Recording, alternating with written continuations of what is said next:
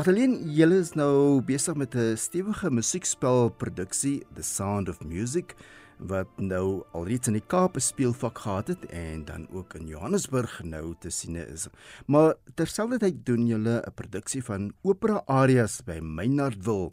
Noem so 'n paar van die arias op wat gesing gaan word, asook uh, wat is sangers en wie gaan die begeleiding doen?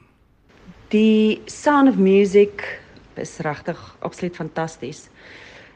Ek sien regtig uit daarna dat families van reg oor Suid-Afrika hierdie wonderlike produksie gesien kan kry.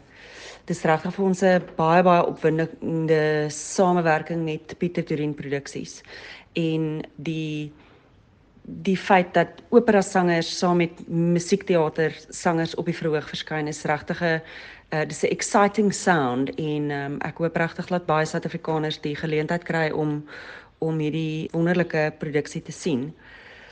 Ons gaan die 4de Februarie gaan Kaapstad Opera by Maynardville Open Air Theatre 'n wonderlike konsert uitvoer met ons nuutgevormde kinderkoor, die Kaapstad Opera kinderkoor. Dit is 'n geweldige opwindende nuwe ding wat ons einde laas jaar begin het. 28 kinders en ons eie wonderlike Kaapstad Opera koor en dan natuurlik ons soliste wat gaan sing op hierdie aand onder die sterre. En ons gehoorlede kan uitsien na treffers uit die opera repertoire items soos byvoorbeeld Visidarte, Omeo Babino Caro, Nessun Dorma. Daar's ook uittreksels uit La Bohème en uittreksels uit Madame Butterfly. Vir hierdie aand het ons besluit om ons blik te fokus op Puccini, die groot komponis Puccini is hierdie jaar in 2024 is hy al reeds 100 jaar oorlede en ons vier sy sywerke en sy musiek wat hy vir ons agtergelaat het deur hierdie aand by Maynard wil aan hom op te dra.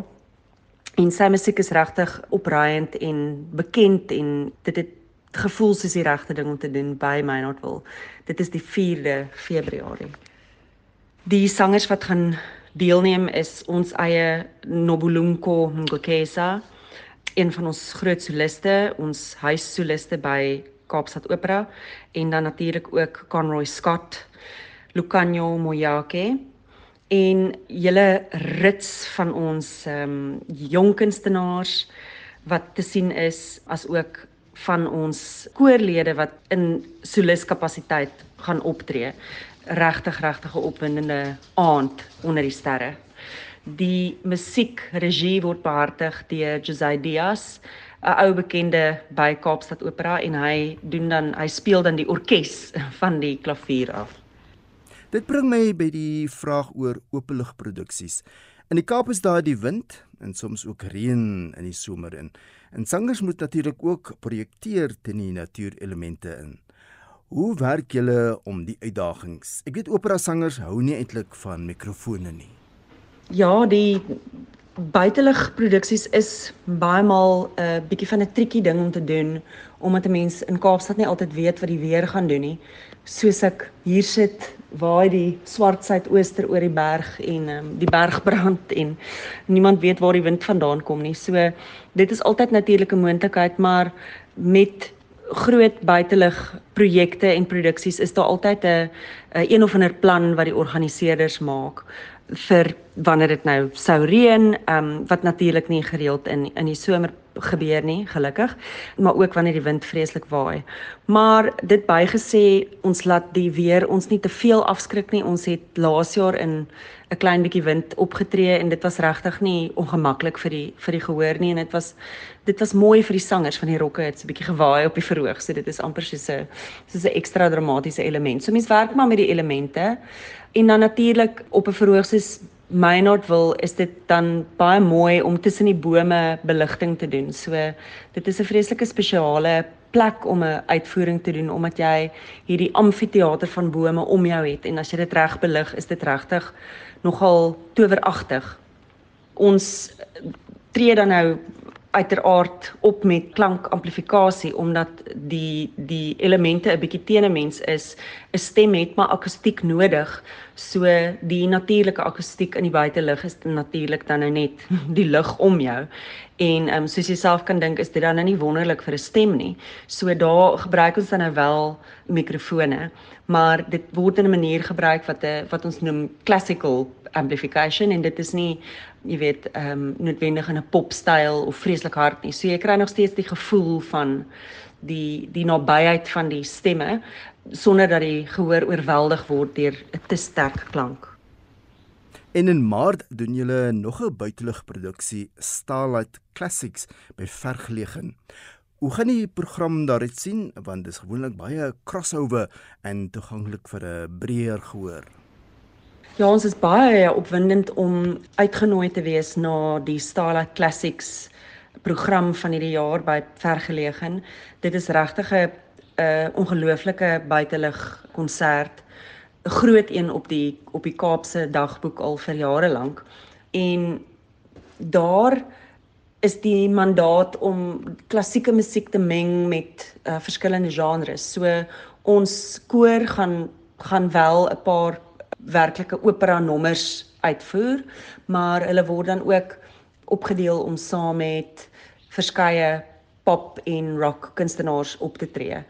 En ehm um, ja, ek sien nogal uit om te sien wat die repertoire gaan wees daarvoor. Dis altyd 'n baie baie interessante program wat ehm um, Richard Cock en sy span bymekaar sit. Puccini het destyds 'n drietal operas gekomponeer Janice Skiki is gewoonlik een van die korterwerke wat opgevoer gaan word saam met nog een uit die opera trio. Maar julle het gekies om vir jaar die baie minder bekende Suster Angelica as tweede opera te doen. Waarom en kortliks net waaroor handel dit? Die triptiek van Puccini is in 1918 gekomponeer en oorspronklik het Puccini bedoel dat die drie stukke Suor Angelica, Il Tabarro en Gianni Schicchi as een geheel uitgevoer word. Maar dit word natuurlik 'n baie lang aand want dit is eintlik dan 3 operas in een aand en so het ons besluit om soos baie operahuise dan nou die twee meer bekende operas, Suor Angelica wat wat man net bedoel, ehm um, Suster Angelica en Schicchi wat iemand se naam is uit te voer. Suor Angelica is 'n vreeslike tragiese opera en Schicchi is 'n is 'n eh, bietjie van 'n donker komedie en die twee maak 'n baie lekker aand uit vir vir gehore. Ek sou sê veral vir iemand wat wat dalk bang is vir 'n vreeslike lang opera. Beide hierdie operas, jy weet, klok in onder onder 'n uur en ehm um, dis verskriklike mooi musiek. Dit is ehm um, soos ek sê die eerste deel die die Suster Angelica is 'n uh, is 'n tragedie en dit dit gaan oor 'n non wat in 'n klein Italiaanse um, monastery woon en sy het haar baba opgegee 7 jaar gelede en sy is toe uitgeskop. Jy weet, sy was 'n prinses en sy is uitgeskop en verwerp en het 'n non geword en worstel met um al vir 7 jaar lank met hierdie uh, groot tragiese gebeurtenis van haar lewe en dan word sy besoek deur haar tante die prinses wat dan vir haar soort van by the way kom vertel dat haar haar seentjie eintlik oorlede is. En dit maak dan dat suster Angelica wat 'n wat verskriklik baie hou van plante en wat 'n um 'n vreeslike vrou met groen vingers is sy besluit dan om 'n lewe te neem deur haarself te vergiftig deur hierdie plante wat sy so lief gehad het dit is 'n vreeslike um layered storie en dis ongelooflike mooi musiek en um, aan die aan die einde kan ons die engele hoor sing en ons ons um, wonder of sy haar haar haar seun ontmoet in die in die hemel. Dit is die eerste uur van die aand en dan dan na pouse beweeg ons na Johnny Skiki wat 'n wat dis eintlik in die 12de eeu, maar ons weergawe is 'n klein bietjie meer modern, baie meer modern speel af en meer van 'n hedendaagse milieu. En dit gaan eintlik maar daaroor dat mense beklei oor 'n uh, pasgestorwe oom se boedel.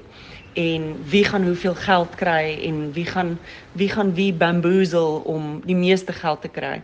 Dit is 'n dis dis verskriklike moeilike musiek vir die sangers, maar dit is ongelooflike mooi en slim musiek.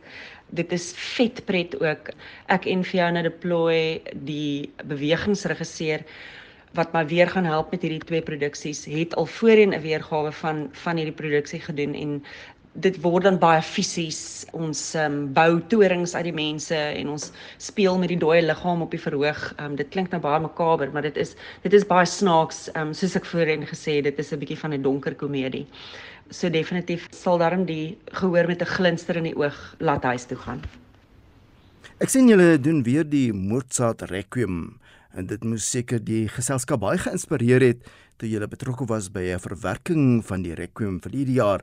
Hier verwys ons na die Jazz Art produksie.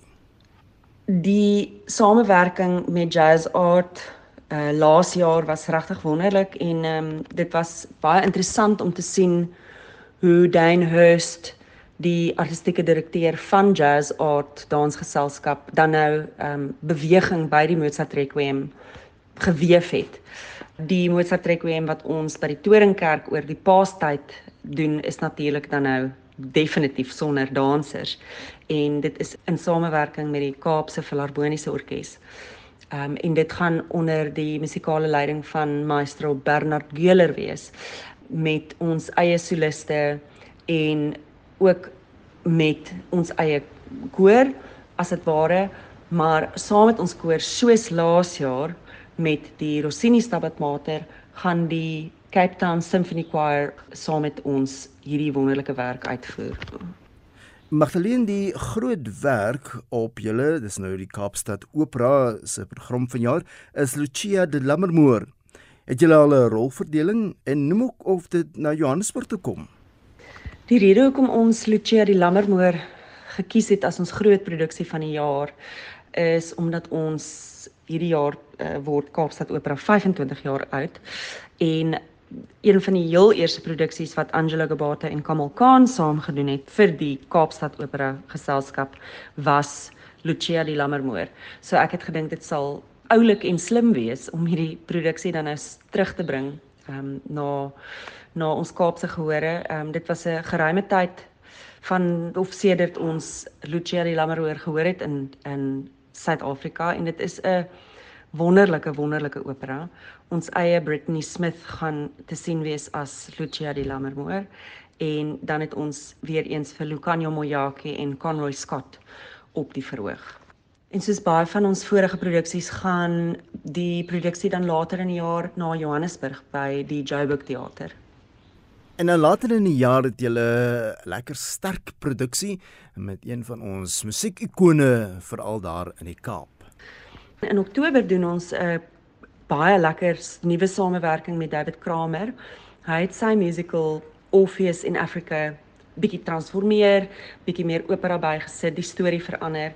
So dit is in essence dan nou 'n 'n nuwe musical Orpheus Macadoo en daar sien ons uit om van ons sangers te sien in van die hoofrolle.